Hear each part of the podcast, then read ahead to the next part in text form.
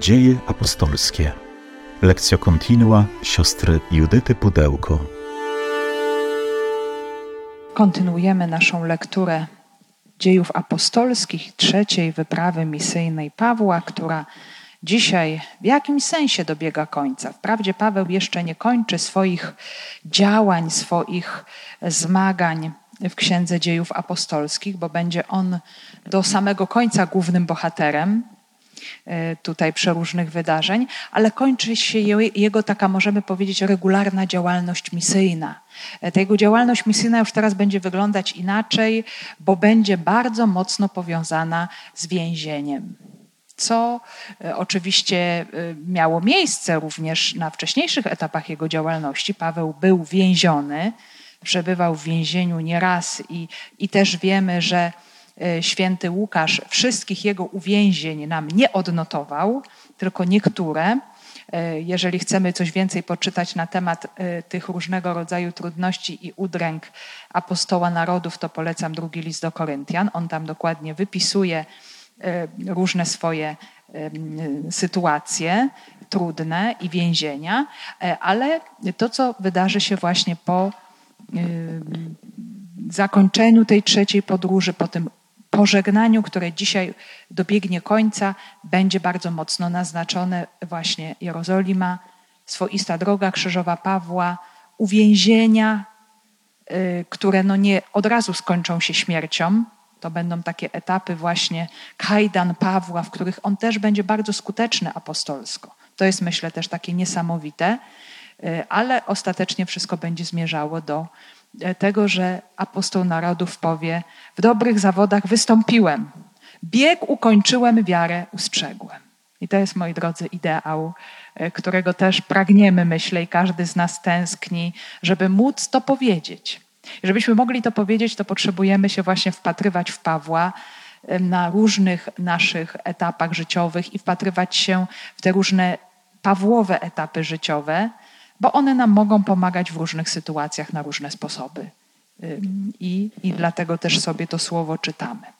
E, ale zanim to wszystko się dokończy, to jeszcze przed nami ostatni moment pożegnania Pawła e, z chrześcijanami, pasterzami Kościoła e, w Efezie. Poprośmy o dar Ducha Świętego, o dyspozycję serca do słuchania Bożego Słowa, aby ono było w nas skuteczne, żywe, aby było dziś takim pocieszeniem dla nas, umocnieniem również na te nasze własne osobiste zmagania. Panie Jezu Chryste, dziękujemy Ci za ten czas, dziękujemy Ci za to słowo, za moc Twego ducha, o którego Cię nieustannie prosimy, ciągle go przyzywamy, aby przychodził nas umacniać, oświecać, objawiać nam Ciebie, Twoją miłość. Prosimy Cię, wlej w nasze serca wolność do słuchania Twego słowa, tę otwartość, to pragnienie, aby spotkać się z Tobą i doświadczyć Twojej miłości. Prosimy Cię, udzielaj nam Twego Ducha Świętego. Przyjdź, o Duchu Święty, przyjdź mocy Boga i słodyczy Boga Przyjdź Ty, który jesteś poruszeniem i spokojem zarazem. Odnów nasze męstwo, wypełnij naszą samotność pośród świata.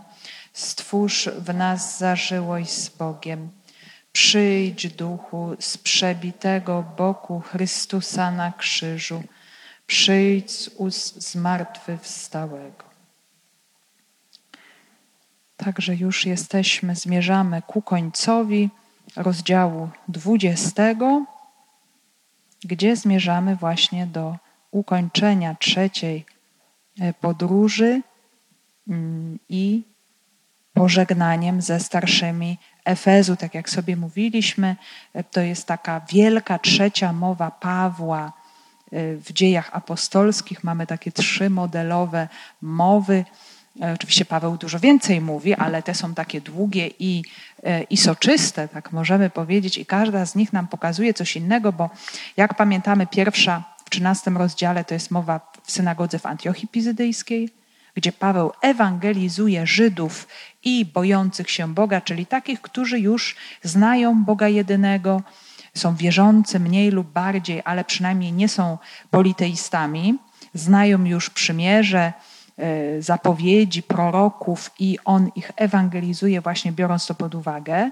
Mamy mowę Pawła na Areopagu, 17 rozdział dziejów apostolskich, e, gdzie Paweł ewangelizuje pogan, wierzących mniej lub bardziej w bóstwa pogańskie, ale przynajmniej bardzo mocno też zanurzonych w tę religijność pogańską e, i, i mentalność pogańską.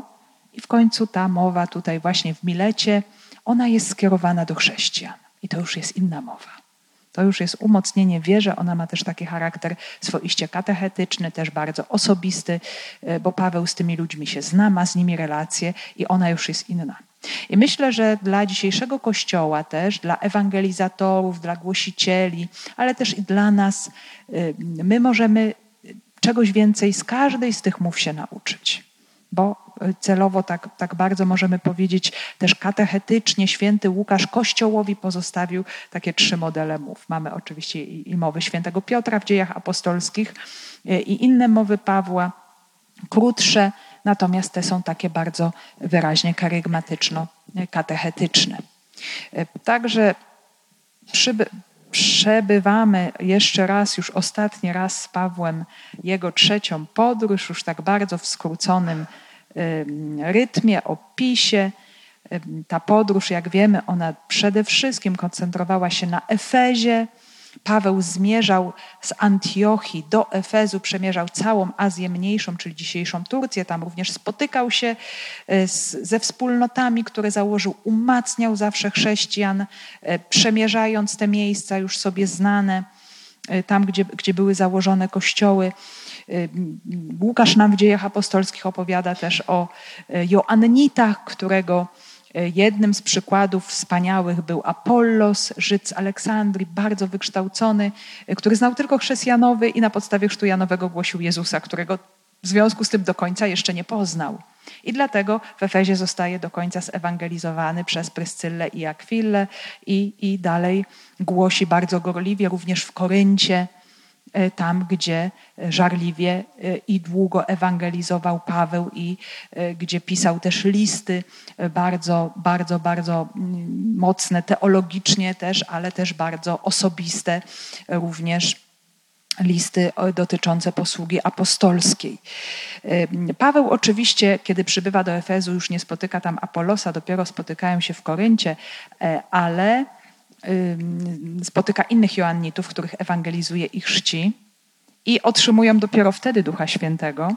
Jan Chrzciciel, wiemy, że on, on pomagał w drodze nawrócenia, ale no, nie mógł udzielić Ducha Świętego. Jeszcze nie, jeszcze nie w taki sposób, choć sam tym Duchem Świętym napełniony był już od łona swej matki był napełniony Duchem Świętym przez spotkanie y, z Maryją, Elżbiety i, i też z maleńkim Jezusem, więc to było też dla niego bardzo ważne doświadczenie, ale dopiero Ducha Świętego e, przekazują już chrześcijanie, ci, którzy y, tego Ducha Świętego otrzymali. Także Paweł y, w Efezie naucza, Y, tam powstają liczne wspólnoty, ale też y, no, doświadcza wielu sprzeciwów, odrzucenia. Y, dlatego z synagogi przenosi się do takiej świeckiej, albo retorskiej, albo filozoficznej szkoły Tyrannosa, gdzie w wolnych godzinach naucza, głosi Ewangelię. Też Paweł, jak pamiętamy, jest sprawcą cudów, nawet jego ubrania mają taką cudotwórczą moc, dokonują się liczne uzdrowienia, co w całym kontekście bardzo takiego zabobonnego, przesądnego Efezu, miasta politeistycznego, pełnego magii i różnych rytuałów, no jest to poruszające dla Efezjan. Próbują coś tutaj uszczknąć z mocy Pawła. Mamy, e, mamy pseudoegzorcystów, którzy jednak nie są w stanie uwalniać od złego ducha, bo nie mają wiary. I to jest, myślę, dla nas bardzo ważna szkoła. Y, ciągle, y, ciągle musimy pamiętać, że moc Jezusa to nie jest magia, moc Jezusa to nie jest technika, której można się nauczyć, ale to jest kwestia naszej więzi z Nim, naszej osobistej relacji z Nim. I wtedy stajemy się Jego narzędziami, tak jak Paweł, e, i możemy dokonywać różnych dzieł w jego imię. E, całe to wydarzenie z pseudoegzorcystami, którzy no, doświadczają e, nawet no, pewnej przemocy ze strony opętanego człowieka, doprowadza jednocześnie do wielu nawróceń i porzucenia magii przez mieszkańców Efezu. E, dalej pamiętamy o całym problemie złotników, e, tych wszystkich, którzy z pogańskich kultów żyli, sprzedawali różne figurki, modele świątyń, e, no a chrześcijanie zaczęli im po prostu tutaj te rzeczywistości ogałacać, bo zapraszają pogan do wyrzeczenia się bożków, do wiary w Boga jedynego i interes słabnie interes słabnie, a zatem właśnie bunt, a zatem y, możemy powiedzieć swoista manipulacja, y, próbująca oskarżyć Pawła o wszystkie możliwe y, złe rzeczy. To, to było, moi drodzy, bardzo mocno obecne też w całej praktycznie starożytności chrześcijańskiej, dopóki chrześcijaństwo było no, czymś mm, takim no, pobocznym, nieprzyjętym oficjalnie. Chrześcijanie byli po prostu uważani za ateistów za ludzi bezbożnych, za ludzi wywrotowych, którzy niszczyli ustalony porządek. No i tutaj mamy właśnie też tego taką próbkę, ale wszystko kończy się dobrze dzięki y, temu, że y, władze, oficjalne władze miejskie zajmują stanowisko, nie widząc żadnych, y, tutaj możemy powiedzieć, niewłaściwych zachowań w postawie chrześcijan, którzy nie nawołują do buntu, do tego, żeby y, ludzie przestali żyć według zasad y, ustalonych w Imperium Rzymskich, Rzymskim, chrześcijanie nawołują do wiary. To jest zupełnie inny poziom rzeczywistości i wszystkie te problemy zostają wyciszone, uspokojone i wtedy Paweł wyrusza w dalszą drogę. Wyrusza w drogę do Macedonii, nawiedza kościoły, dokonuje zbiórki na rzecz kościoła w Jerozolimie, następnie do Grecji, e, przebywa w Koryncie, gdzie powstaje list do Rzymian. To jest bardzo ważny moment. E, I później zamiaruje udać się już do Jerozolimy, ale z powodu zasadzki e, żydowskiej dowiaduje się o tym, że jest planowany na niego zamach. Decyduje się wrócić drogą lądową, o wiele dłuższą, trudniejszą. Udaje się z Achai, czyli z Grecji, przez Macedonię do Troady. E, tam pamiętamy piękna celebracja Eucharystii w Dzień Pański, w nocy e, i wskrzeszenie Eutycha, młodzieńca, który zasypia e, podczas tejże celebracji. Sala na górze, duszno, lampy, gorąco na pewno. Chłopiec siedzi na oknie, spada, no, ginie przez ten upadek i Paweł go podnosi i wskrzesza i dalej głosi, i dalej celebruje, dalej się modli, jak gdyby nigdy nic. Moc Jezusa zmartwychwstałego przezwycięża wszystkie, wszystkie problemy. I dalej wyruszają w drogę, już powoli droga, y, powoli, powoli w kierunku Jerozolimy, ale jeszcze y, poprzez właśnie częściowo drogę lądową, później e, drogą morską poprzez wyspy, pomiędzy wyspami. Przybywa do Miletu, tam wzywa e, starszych Efezu, e, czyli tego kościoła wielkiego, gdzie było wiele wspólnot. Paweł nie chce tam przebywać, pamiętając o tych wszystkich zamieszkach, jakie miały miejsce, wiedząc też, że e, Efezjanie mogą go przytrzymać dłużej, a on chce na pięćdziesiątnicę przybyć do Jerozolimy, więc do Miletu wzywa starszych kościoła i tam e, dokonuje właśnie się wspaniałe pożegnanie, które, jak sobie mówiliśmy, jest wzorowane na, i na pożegnaniach, mowach pożegnalnych Starego Testamentu, Mojżesza, Jozułego, e, innych wielkich bohaterów, no i oczywiście samego Jezusa. E, co czytaliśmy w Ewangelii Janowej, Jezus żegna się z uczniami, zostawiając im swój testament, dając pewne zapowiedzi, wskazówki, przestrogi. I to samo czyni Paweł, że tutaj e, Łukasz nam pokazuje, jak bardzo Paweł jest podobny do Jezusa Chrystusa ile w nim troski, zapobiegliwości, bo wie, że to już jest ostatnie spotkanie właśnie w tym miejscu. I dlatego, i dlatego właśnie i mówi, odnosi się do tej swojej służby, którą pełnił wobec Efezjan, do głoszenia, do tego, co było ważne i zapowiada swoje odejście i jednocześnie z wielką troską przestrzega pasterzy Kościoła, bo jak ostatnio mówiliśmy, to nie są żarty. To jest Kościół Boży, który, Bóg nabył swoją własną krwią. Nie? To, jest, to jest właśnie, możemy powiedzieć, taka cudowna, już bardzo teologiczna definicja Kościoła, e, wspólnoty, ludzi, Y, którzy są własnością Jezusa Chrystusa, a pasterze są ustanowieni przez Ducha Świętego i mają y, właśnie mieć pieczę y, nad nimi. Dlaczego i w jaki sposób ta piecza ma wyglądać i jak się ostatecznie to pożegnanie kończy, to właśnie usłyszymy to teraz już w tej końcówce tego fragmentu z dziejów apostolskich. Wiem, że po moim odejściu wejdą między was wilki drapieżne, nie oszczędzając owczarni. Także spośród was samych powstaną ludzie, którzy głosić będą przewrotne nauki, aby pociągnąć za sobą uczniów. Dlatego czuwajcie, pamiętając, że przez trzy lata w dzień i w nocy nie przestawałem ze łzami napominać każdego z was. A teraz polecam was Bogu i słowu Jego łaski, które ma moc zbudować i dać wam dziedzictwo ze wszystkimi świętymi. Nigdy nie pragnąłem niczyjego srebra, złota ani ubrania. Sami wiecie, że własnymi rękami zarabiałem na potrzeby moje i moich towarzyszy. We wszystkim pokazałem wam, że tak pracując trzeba wspierać słabych i pamiętać o słowach Pana Jezusa, które On sam wypowiedział. Więcej szczęścia jest w dawaniu, aniżeli w braniu. Po tych słowach upadł na kolana i modlił się razem z nimi wszystkimi.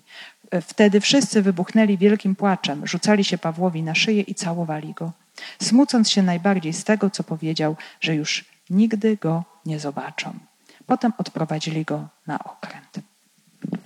Wiem, że po moim odejściu wejdą między was wilki drapieżne, nie oszczędzając owczarni.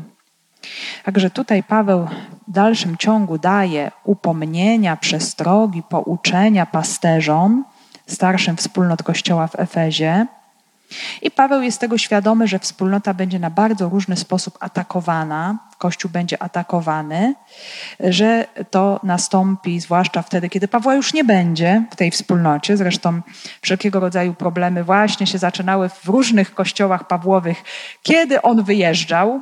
To były i różne właśnie problemy doktrynalne, i problemy między osobami, e, i różnego rodzaju właśnie przewrotni nauczyciele się pojawiali, albo niezrozumienie jakichś tam kwestii, albo złe prowadzenie się. I Paweł potem, dowiadując się o różnych rzeczach, no musiał po prostu interweniować. Musiał interweniować. E, no, oczywiście Paweł tutaj mówi po moim odejściu. To możemy sobie też tłumaczyć na dwa sposoby. Po wyjeździe już Paweł nie wróci, ale też Paweł jest świadomy, że odejdzie, czyli umrze. Czyli y, będzie taki czas, i to myślę, że też jest takim wyraźnym tutaj znakiem, symptomem y, danym nam przez Łukasza w dziejach apostolskich, że niebawem to pierwsze pokolenie apostołów odejdzie. I dlatego właśnie są pouczenia, które są wygłaszane, i dlatego jest słowo spisywane, żebyśmy my, kolejne pokolenia, pokolenia, które następują przez wieki, żeby miały się do czego odnieść. I cała tradycja Kościoła tak narasta, bo Duch Święty w Kościele jest, działa i, i po prostu pomaga chrześcijanom dochodzić do całej prawdy. Czyli również odkrywać, jak na nowe problemy odpowiadać właśnie w takim duchu Jezusowym, tak jakby On to dziś nam powiedział. No to tutaj dzieje nam bardzo wyraźnie pokazują, że ta łaska, ta moc jest pozostawiona Kościołowi. I, i Paweł właśnie bardzo wyraźnie też e, o tym wszystkim e, mówi. To już się w pewnym momencie e, tutaj właśnie skończy. I tutaj zagrożenie, zagrożenie jest wyrażone w następujący e, sposób. Są jacyś agresorzy, którzy są ukazani właśnie jako wilki drapieżne. Bardzo taki typowy obraz, obecny w różnych miejscach w Piśmie Świętym.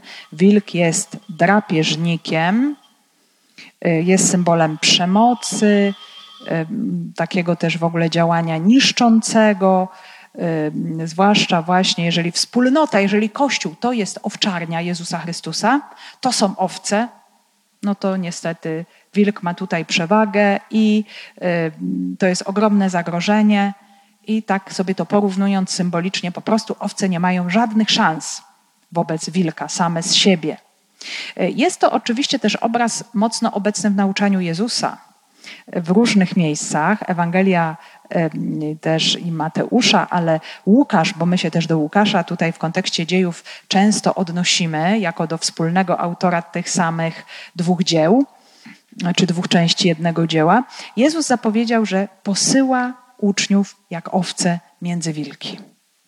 Także, żeby byli tego świadomi, że to jest właśnie bardzo nierówna walka i uczeń sam z siebie może niewiele. I to, co też jest zagrożeniem, o czym często słyszymy w różnych interpretacjach tego tekstu, że ważne jest przede wszystkim, żeby owca, spotykając się z wilkiem, nie zamieniła się w wilka. No bo wtedy traci swoją tożsamość, to jest też właśnie taka możliwość, że owca może e, w ten sposób próbować e, sobie jakoś pomóc. Ale e, Jezus, będąc świadomym tego, wskazuje drogę ratunku. I tą drogą ratunku jest On sam, bo On sam jest pasterzem. Jak pamiętamy z lektury Ewangeliana, dobry, piękny pasterz, który składa, oddaje życie za owce. Tam się pojawia najemnik, Y, którego można rozszyfrować dopiero w momencie zagrożenia, kto jest pasterzem, kto jest najemnikiem, bo kiedy pojawia się zagrożenie, czyli wilk, i Jezus w Ewangelii też mówi właśnie o wilku, wtedy pasterz nadstawia karku, a najemnik po prostu ucieka i pozostawia owce na pożarcie. Nie zależy mu na owcach. E, natomiast pasterz kieruje się miłością agape, taką miłością, która się ofiaruje, e, która bierze też trudności na siebie. E, to, to o czym nam właśnie też pięknie mówiła Ewangelia Janowa. Bóg umiłował świat, syna swego dał, aby każdy, kto w niego wierzy, nie zginął, ale miał życie wieczne. Syn jest wydany, syn jest nam dany. On nadstawia Y, swoje życie, wystawia siebie, aby nas ocalić. To jest właśnie ten pasterz, który broni y, i jest jakimś kontrastem wobec postaci najemnika, który się nie troszczy, który tylko robi jakieś interesy, nie zależy mu na owcach i kiedy pojawia się zagrożenie, to ucieka. Jednocześnie najemnik też pracuje dla zapłaty, Także nie zależy mu na owcach i dopiero właśnie, kiedy pojawia się zagrożenie, wtedy wszystko się objawia. Wilk tutaj z jednej strony to może być jakiekolwiek duchowe czy jakiekolwiek inne materialne zagrożenie, które może uśmiercić owce.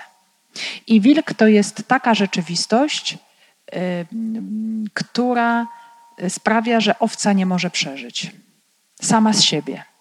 To jest, moi drodzy, bardzo też myślę, piękny obraz, który pozwala nam żyć w pokorze też, ale w takiej bardzo, myślę, naturalnej szczerości wobec siebie, że my naprawdę sami z siebie niewiele możemy.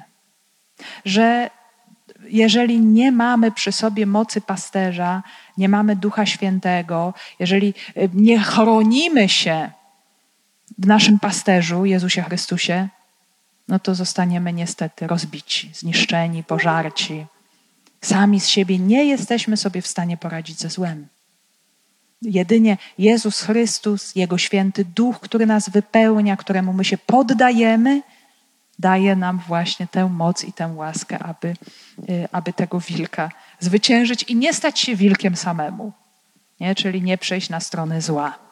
No, co też czasami jest pokusą. Nie? Ktoś lękając się Y, tego zła, będąc niewytrzymałym wobec pewnych nacisków, może niestety właśnie wejść w jakiś dialog, pobratanie się również z tym, że, z tym, że złem. I to może się też wyrażać w innym obrazie, który mamy z Ewangelii, o którym Paweł tutaj mówi. Także spośród was samych powstaną ludzie, którzy głosić będą przewrotne nauki, aby pociągnąć za sobą uczniów. Czyli wilk może być wewnątrz. I uwaga, może to być wilk w owczej skórze. I już Ewangelia o tym mówiła. Jezus mówi tak: Strzeżcie się fałszywych proroków, którzy przychodzą do was w owczej skórze, a wewnątrz są drapieżnymi wilkami. Więc można być po prostu przebranym, być aktorem i jawić się jako ktoś dobry, przyjazny, pomagający, chcący dobra, a tak naprawdę to jest właśnie owcza skóra na grzbiecie wilka. Nie? Więc e, tutaj akurat Paweł ma na myśli właśnie takie osoby, które są we wspólnocie, czyli w jakimś sensie przyjęły te wartości wspólnoty, a później zaczynają popadać w różnego rodzaju błędy, herezje i w niewłaściwą interpretację słów Jezusa i powodują zamęt, podziały. Możemy sobie przypomnieć e, już samych dziejów apostolskich tutaj, z tej historii, e, chociażby sama ta kwestia e, tych ogromnych napięć związanych z, z pozycją pogan we wspólnocie chrześcijańskiej. I ci judaizujący, którzy nakłaniali do obrzezania, do przyjęcia całego prawa żydowskiego judaizmu, no, był to pewien zamęt, były wielkie spory, ataki, napięcia. Łukasz, który pisze bardzo łagodnie i nawet tak lekko idealizuje Kościół, jak sobie niektóre rzeczy porównamy z nauczaniem Pawła, to Paweł ostrzej o, o, o, tych różnych problemach mówi niż Łukasz, to i tak Łukasz stwierdza, że doszło do niemałych e, wzburzeń, sporów e, pomiędzy nimi, więc tam musiały być bardzo mocne kłótnie na ten temat. No i dzięki Bogu, że, że zobaczcie, że to był jeszcze ten czas, kiedy oni mieli się do kogo odnieść. Żyli apostołowie, Piotr, część z grona dwunastu, większość z grona dwunastu jeszcze żyła. Więc było to spotkanie, było ten, był dialog, było poszukiwanie prawdy. Ale bardzo często właśnie jest tak, i to jest sytuacja, moi drodzy, która trwa od początku Kościoła, że zły duch szuka sposobu, żeby podejść kogoś wewnątrz wspólnoty, który będzie nawet wzbudzał zaufanie, będzie kimś takim dobrze usposobionym, żeby go w jakiś sposób przekręcić, żeby właśnie siał jakiś zamęt, głosił niewłaściwe nauki, interpretował po swojemu. I tak jak sobie prześledzimy historię Kościoła pierwszych wieków, no to zobaczymy, że największe zamęty i herezje to powstawały od ludzi najbardziej wykształconych teologicznie. No bo ktoś, kto nie miał za wiele pojęcia o czymkolwiek, no nawet by nie był w stanie takiej jednej czy drugiej herezji wymyślić.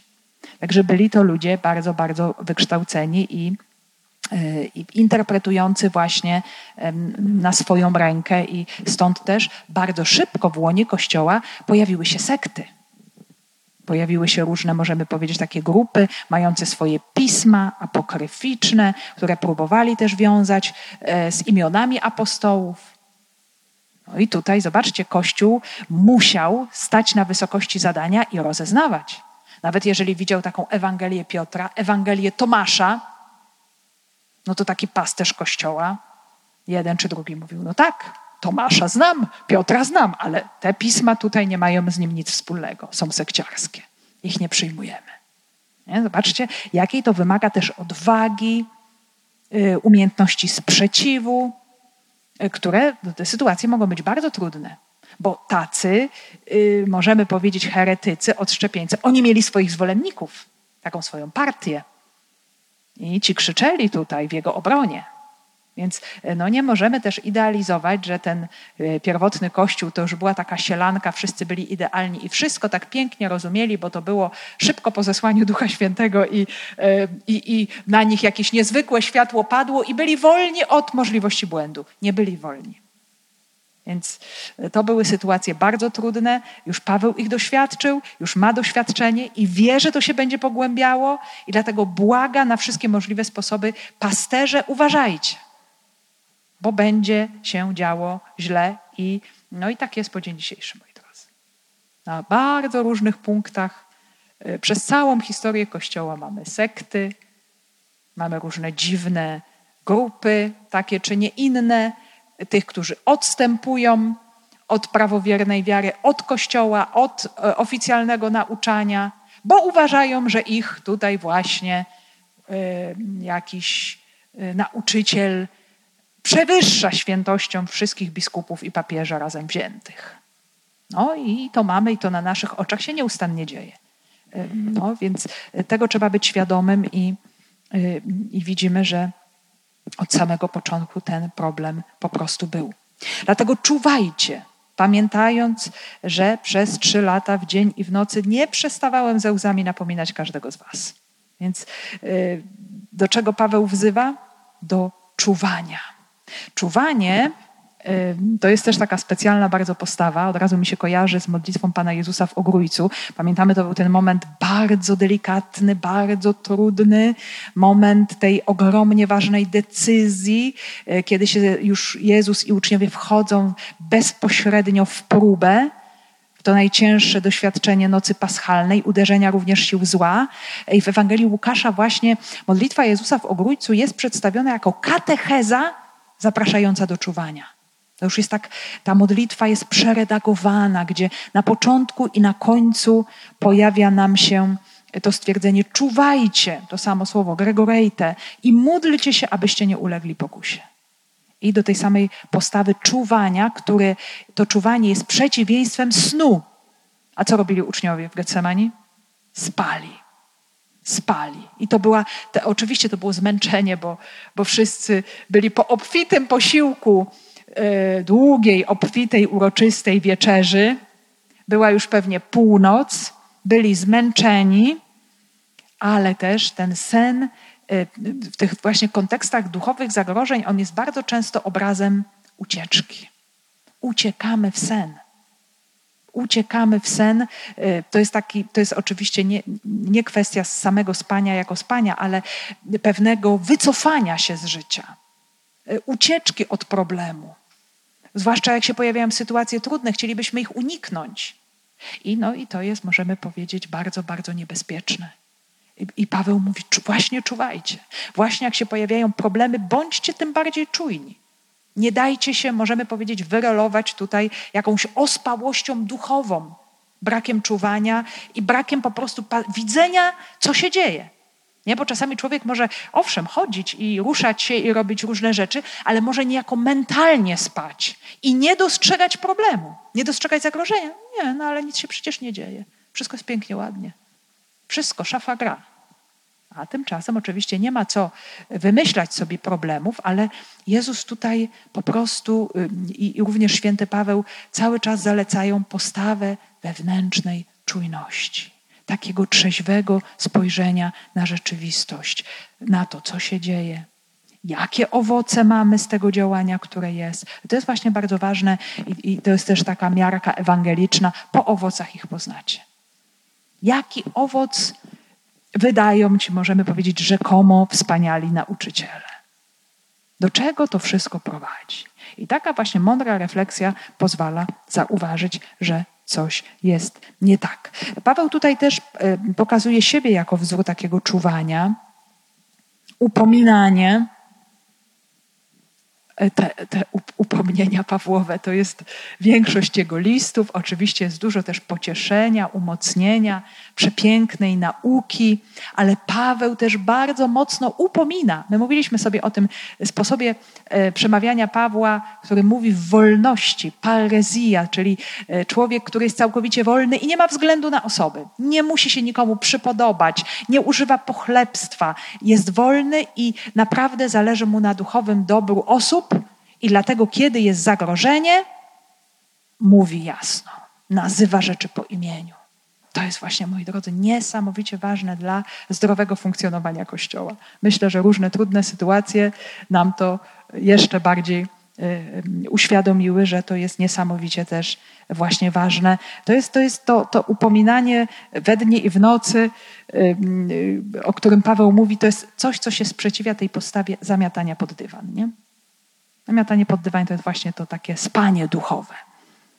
A jasne i bardzo konkretne upominanie, Chociaż Paweł to robił też z ogromnym wyczuciem i w listach i, i pozostawiał wolność e, swoim, e, tutaj oczywiście też słuchaczom, uczniom, e, ale nie uciekał od, od tychże upomnień. A teraz polecam Was Bogu i słowu Jego łaski, które ma moc zbudować i dać Wam dziedzictwo ze wszystkimi świętymi. I Paweł wie, że będzie nieobecny, ale jest Duch Święty ale jest Słowo Boże. I, I Paweł tak oddaje właśnie tychże wierzących Bogu i Słowu Jego łaski. To jest też ten sam termin, w którym Jezus oddał swego ducha Ojcu. Wcześniej Paweł z Barnabą polecali starszych kościoła Azji Panu. I Paweł, choć wie, że jest nieobecny, wie, że pozostaje Słowo Boże. To słowo, które On pozostawia, to słowo, które pozostawił Jezus przede wszystkim, to słowo, które jest pełne mocy Ducha Świętego. I to są właśnie te narzędzia, które pozwalają budować Kościół. To po dzień dzisiejszy. My się karmimy słowem, my słuchamy słowa w różnych sytuacjach naszego życia, też w codzienności, w liturgii. E, ciągle jesteśmy zanurzeni w Bożym Słowie Y, bo dzięki temu też możemy przyjmować i dary Pana, i jednocześnie też to słowo nas buduje ciągle. Więc, więc Paweł, y, mnie nie będzie już, ale będzie to słowo. Wtedy to jeszcze oczywiście w czasach Pawła to było słowo niespisane, to było słowo głoszone, żywe, przekazywane ze wspólnoty do wspólnoty. Teraz my już mamy wszystko bardzo dobrze usystematyzowane i, i rozwinięte. Nigdy nie pragnąłem niczyjego srebra, złota ani ubrania. I teraz Paweł przechodzi jeszcze do pouczeń etycznych. Znów daje siebie za wzór, jak bardzo trzeba być pokornym, żeby to zrobić, i też takim bardzo jednoznacznym. E, I Paweł daje tutaj właśnie pasterzom przykład życia etycznego, które dotyczy, te wybory etyczne, kwestii ekonomicznych. Jest też bardzo ważne. Y, I akurat to, co Paweł tutaj mówi, mm, to trochę tak akurat od końca, bo to jest odniesienie bardzo wyraźne do ostatniego przykazania dekalogu. Nie będziesz pożądał, właśnie dosłownie to pragnąć, to jest to samo słowo, co pożądać w języku greckim. Nie będziesz pożądał, i tam Księga Wyjścia nam wymienia domu, żony, niewolnika, niewolnicy, wołu, osła, rzeczy Twego bliźniego. A Paweł tutaj mówi, niczyjego srebra, złota, ani ubrania. I to jest przykazanie, no właśnie, nie pożądaj żony bliźniego swego, ani żadnej rzeczy, która jego jest, to co my odmawiamy w dekalogu. To przykazanie tak naprawdę dotyczy kwestii, która się nazywa zazdrością taką możemy powiedzieć też mocną zazdrością, która już przechodzi w zawiść. Bo samo uczucie zazdrości, no to może nam bardzo dużo mówić, że coś, co ma ktoś inny, czy to jest dobro materialne, czy to jest dobro duchowe, czy intelektualne, jest czymś wspaniałym. Nie? Także pierwsze jakieś uczucie zazdrości, które możemy, wow, ale ta osoba jest mądra o, albo jak ta osoba y, świetnie to zrobiła. I to może być dla mnie taka wskazówka, ja też tak chcę. No to się rozwijaj na Twoim poziomie i na moim poziomie i na tym, co mogę zrobić. Może nigdy nie będę robić tak jak ta osoba, może nigdy nie dorosnę do takiego poziomu w tym czy w tamtym, ale skoro budzi się we mnie coś takiego, to może jest to właśnie takie zaproszenie, rozwijaj się w tym, co Ci Bóg dał. Nie? Bo tak ojcowie mówili, ojcowie e, pustyni, to, że zazdrość jest takim najgłupszym grzechem, jaki może być, to już pewnie słyszeliście o tym, bo yy, nic się nie osiąga. Nic się właściwie nie zyskuje zazdroszcząc. Nawet, jak, nawet pozornie krótkotrwałego dobra, przyjemności czy czegokolwiek nie ma. Tylko człowiek cały tam, możemy powiedzieć, żółknie, y, i chcę mieć to, co ma drugi, albo chcę, żeby drugi nie miał tego, co mam ja. Takie dwie, możemy powiedzieć, dwa bieguny tej samej rzeczywistości. I to jest bardzo też, bardzo, bardzo destrukcyjna postawa, kiedy człowiek, y, który ma się zajmować y, dobrem duchowym innych, koncentruje się na zazdrości, na szukaniu jakichś, możemy powiedzieć tutaj, korzyści z tego wszystkiego. Nie? I, I tutaj jeszcze Paweł w innym miejscu właśnie przestrzega przed chciwością. Kiedy pisze do młodego biskupa Tymoteusza, pokazuje, co jest ogromnym zagrożeniem Kościoła. Korzeniem wszelkiego zła jest chciwość pieniędzy. Nawet zobaczcie, nawet nie ma mowy o władzy, o przyjemnościach cielesnych, jakichś seksualnych y, czy innych rzeczach, tylko Paweł mówi tak: korzeniem wszelkiego zła jest chciwość pieniędzy. Za nimi to uganiając się niektórzy zbłądzili z dala od wiary i sobie samym zadali wiele cierpień. Ty natomiast, o człowiecze Boże, uciekaj od tego rodzaju rzeczy, a podążaj za sprawiedliwością, pobożnością, wiarą, miłością, wytrwałością, łagodnością itd. Tak e, to jest bardzo, bardzo, myślę, ważna przestroga. No nie chodzi tutaj, żeby w ogóle nie mieć nic, ale chodzi o to, żeby na tym się nie koncentrować, nie koncentrować się na posiadaniu. I, i zobaczmy, to Paweł mówi do pasterzy Kościoła. Myślę, że bardzo, bardzo ważna sprawa. Jednocześnie też daje znowu przykład samego siebie. Nie pożądałem tego, co mają inni, a co robiłem w takim razie? Pozytywny przykład. Sami wiecie, że własnymi rękami zarabiałem na potrzeby moje i moich towarzyszy. Czyli nie tyle koncentruję się na myśleniu, co kto inny ma, a ja nie mam, tylko robię to, co mogę zrobić. Jaką mam tutaj możliwość do działania? Pozytywna rzecz. Nie? Paweł y, pracował, jak pamiętamy w Koryncie, y, wziął się do roboty, razem dołączył do rzemiosła Akwili i Pryscyli, wyrabiali namioty, E, tam zresztą w tym Koryncie było bardzo dużo sklepów, rynków, miejsc handlu, także mógł szyć, mógł sprzedawać i w międzyczasie mógł ewangelizować tych, co przychodzili na zakupy, jak najbardziej. E, I Paweł właśnie jako ten sługa, jako człowiek ubogi, nie jest żebrakiem, ale jest człowiekiem pracowitym, który własnymi rękoma pracuje na utrzymanie. Więc to jest też taki, myślę, bardzo dobry przykład, yy, bardzo dobry przykład dla, i dla wierzących wszystkich chrześcijan. Nie jesteśmy tutaj właśnie, chrześcijanin to nie jest żebrak, chrześcijanin to jest ktoś, kto wykorzystuje możliwości pracy, jakie Bóg mu daje. Yy, ta możliwość pracy daje mu możliwość też pomagania innym, o czym jeszcze za chwilę usłyszymy. Tutaj też już Paweł mówi, że zarabiał na potrzeby swoje i swoich towarzyszy, choć e, w dziejach samych nie słyszymy wiele na ten temat, e, kogo tam Paweł utrzymywał, ale wiemy na pewno, że pracował. E, I jest to przykład dla pasterzy, którzy muszą bardzo uważać, żeby nie pójść w pokusę, że funkcja daje mi możliwość łatwego bogacenia się. To jest bardzo wielka pokusa i, i, i, i e, pasterze Kościoła i każdy chrześcijanin też powinien to wziąć pod uwagę. Natomiast pracowite życie jak najbardziej nie jest tutaj zawsze wielkim wzorem i przykładem. We wszystkim pokazałem Wam, że tak pracując trzeba wspierać słabych i pamiętać o słowach Pana Jezusa, które On sam wypowiedział. Więcej szczęścia jest w dawaniu, aniżeli w braniu.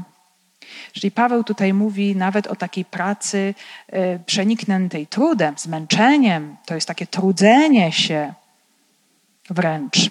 Jest to, że właśnie po grzechu pierworodnym praca nas bardzo często kosztuje. Jesteśmy zmęczeni, padamy na nos ze zmęczenia. Paweł to zauważa. Pracujemy, trudzimy się i też wspieramy słabych pomaganie słabym. To jest też jeden z elementów bardzo mocno obecnych w chrześcijaństwie i uwaga. To było niesamowicie ważne i to bardzo poruszało y, tamtejszą ludność, właśnie ta jałmużna, to wspieranie ludzi biednych we wspólnocie przez ludzi bogatszych, bo w starożytności nie było opieki społecznej, nie było emerytur. Jeżeli ktoś był biedny albo chory, albo no w ogóle jakieś nieszczęścia mu się przytrafiły, no to bardzo często, no niestety, kończył bardzo marnie. Mógł nawet umrzeć z głodu, jak nikt mu nie pomógł. I chrześcijanie tutaj no, byli takim no, niesamowitym właśnie przez te uczynki miłosierdzia magnesem dla wielu ludzi. Że oni żyją po prostu inaczej. Oni inaczej podchodzą do, e, do bliźniego, więc Paweł tutaj właśnie tak czynił, dawał to świadectwo. No i może właśnie tutaj również powtórzyć to, o czym czytamy w pierwszym liście do Koryntian. Bądźcie naśladowcami moimi, jak ja jestem naśladowcą Chrystusa. Natomiast to stwierdzenie Pana Jezusa, które On sam wypowiedział, więcej szczęścia jest w dawaniu aniżeli w braniu, to nigdzie takiego cytatu wprost nie ma. W, żadnym, w żadnych słowach Jezusa oficjalnie zapisanych w Ewangeliach. To może być coś takiego, co też nazywa się agrafa bądź agrafon, e, czyli takie logia, takie mowy Jezusa, które nie zostały spisane. Albo które zostały spisane w inny sposób, bo niektórzy interpretatorzy próbują nawiązać tutaj, powiązać y, to stwierdzenie Jezusowe y, z kazaniem na równinie z Ewangelii Łukasza, czy przynajmniej właśnie początkowi tej wypowiedzi, rozdział 6 od 30 do 36 Dawaj każdemu, kto cię prosi, a nie dopominaj się zwrotu od tego, który bierze twoje. Tak jak chcecie, żeby wam ludzie czynili, podobnie wy im czyńcie. I później dalej ten pasus idzie w kierunku miłości nieprzyjaciół. Także tutaj na samym początku mamy właśnie o tym dawaniu. Dawaniu. Nie, jest, nie, nie, nie, nie ma tutaj mowy o tym szczęściu, ale potem ostatecznie właśnie y, cała ta postawa hojności, dobroci, przebaczenia, miłości nieprzyjaciół prowadzi do, no właśnie, wielkiej nagrody. Będziecie synami Najwyższego, bo On jest dobry dla niewdzięcznych i złych. Bądźcie miłosierni, jak Ojciec Wasz jest miłosierny. To jest ideał mm, ewangeliczny właśnie w zapisie Łukasza. O ile Mateusz mówi, bądźcie doskonali, jak doskonały jest Ojciec Niebieski, Łukasz mówi, bądźcie miłosierni, jak miłosierny jest Ojciec Wasz Niebieski. Więc tutaj można znaleźć też takie połączenie. Po tych słowach upadł na kolana i modlił się razem z nimi wszystkimi. Także mamy tutaj y, właśnie ogromnie poruszające gesty, otwartość, taką szczerą, spontaniczną postawę, y, bardzo pokorną. Paweł upada na kolana, zazwyczaj y, modlono się na stojąco, to była główna postawa modlitwy, chociaż właśnie i w Ewangelii i w dziejach mamy, mamy te przykłady modlitwy na kolanach, czyli w, w takim uniżeniu, i to chociażby Jezus w Getsemani upada na kolana, Szczepan pada na kolana, modląc się za prześladowców w chwili śmierci. Piotr modli się na kolanach, prosząc o wskrzeszenie Tabity. I tutaj też Paweł klęka, uniża się, y, prosi za tych, że swoich braci, poleca ich Panu w taki bardzo serdeczny i pokorny sposób. Wtedy wszyscy wybuchnęli wielkim płaczem, rzucali się Pawłowi na szyję i całowali go, smucąc się najbardziej z tego, co powiedział, że już nigdy go nie zobaczą. Potem odprowadzili go na okręt. Że jest to taki bardzo emocjonalny, czuły obraz pożegnania, pełny głębokich uczuć, łzy, uściski, pocałunki. E, to, to, nam pokazuje ogromną zażyłość, taką bardzo szczerą, że e, no pomyślmy, to nie był taki dystans e, wielkiego, możemy tutaj powiedzieć, pasterza, tak byśmy mogli sobie to wyobrazić, jakiś kardynał żegna się z jakąś tam diecezją, czy kościołem, czy jeszcze tam kimś. Nie, nie ma tego dystansu. E, jest, jest tutaj bardzo wielka zażyłość, taka serdeczność, po prostu braterskie relacje we wspólnocie. Taki właśnie żywy kościół, e, gdzie wszyscy są braćmi i siostrami i są wobec siebie właśnie bardzo tacy bliscy i serdeczni. Paweł tu się jawi właśnie jako duchowy ojciec. Jako właśnie taki duchowy ojciec, który żegna się ze swoimi duchowymi dziećmi, którym przekazał wiarę, czyli to życie Boże. Nie? Ojciec naturalny przekazuje to życie naturalne, biologiczne, daje coś z siebie, ze swego ciała, ze swoich genów, tak możemy powiedzieć. Paweł dał swoje geny duchowe, swoją, swoje serce, swoją wiarę, podzielił się wiarą, miłością do Chrystusa. Nie? To jest coś jeszcze większego, bo my wiemy, że e, te wszystkie ludzkie, możemy powiedzieć, nawet podobieństwa i, i, i mm, cielesne więzi, one, one przechodzą gdzieś tam. Owszem, zawsze pozostajemy w tych e, więziach rodzinnych i również po drugiej stronie pozostaje ta nasza tożsamość, ale te więzi duchowe są o wiele głębsze, o wiele też mocniejsze. Więc, więc Paweł tutaj płacze z ogromną troską y, wobec wszystkich problemów, trudności, na które będzie narażony młody Kościół w Efezie, bo wie, że, że tam są jednak cały czas ci magicy y, i, i bałwochwalstwo i, i różne problemy zewnętrzne, ale jednocześnie też problemy y, wewnętrzne. I tym bardziej właśnie to rozstanie jest trudne i bolesne, bo widzą się po raz ostatni.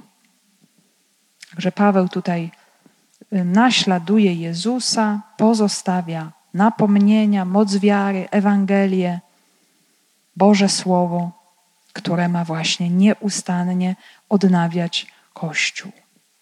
I mm, no, te pożegnania są trudne, ale wszyscy to przyjmują z ogromną odwagą, odprowadzają Pawła na okręt i go żegnają.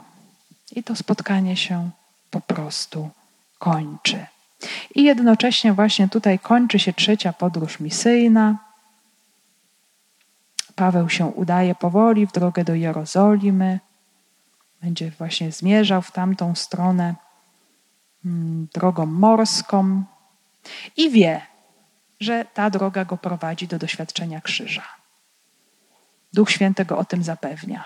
I Paweł się nie wycofuje nie ucieka. Dlaczego? Bo jest tak zafascynowany Chrystusem, że chce iść za nim aż do końca. Biegnie w dobrych zawodach o wiarę. I to jest właśnie, moi drodzy, y, najważniejsze. Y, Paweł bez względu na wszystko chce dokończyć tego biegu, ale jednocześnie chce, aby Słowo Boże się rozszerzało i rosło. I dlatego podejmie każdy wysiłek, każdy trud, każde cierpienie. E, uda się wszędzie, gdzie Pan go pośle, aż na krańce ziemi. E, w dziejach apostolskich przynajmniej dojedzie do Rzymu. E, według innych badań bardzo możliwe, że Paweł dojechał naprawdę do, na krańce ówczesnego świata, czyli do Hiszpanii. To już były te zupełnie na zachód najdalsze rejony, które były wtedy znane. Więcej już na zachód nic nie znano poza Hiszpanią w tamtych czasach i Paweł był gotowy na wszystko, byle tylko Słowo Boże mogło się dalej rozwijać i rosnąć. I my jesteśmy mu za to bardzo wdzięczni. I ta postawa, i ta żarliwość, i ta miłość, i jednocześnie taka ogromna prawość, szczerość, że Paweł y, właśnie tutaj y, w tej swojej postawie nie udawał, y, żeby cokolwiek osiągnąć dla siebie, był taki właśnie niesamowicie też szczery i prawdziwy, otwarty na Ducha Świętego i też na prawdziwe dobro drugiego człowieka, e, to niech będzie też naszym takim umocnieniem w naszych doświadczeniach, naszej drodze wiary, e, w naszej misji, do której każdego z nas Pan posyła jako chrześcijanina, aby dawał świadectwo, czyli żył Ewangelią w codzienności. To jest to nasze głoszenie Ewangelii. Właśnie to życie naszą wiarą w tej codzienności, w której jesteśmy dziś. Nie? Mamy głosić e, naszym życiem, czasami słowami, ale bardziej naszym życiem właśnie Ewangelię. Także trzecia podróża, podróż misyjna dobiegła końca i ta nasza lektura na tym etapie też dobiega końca.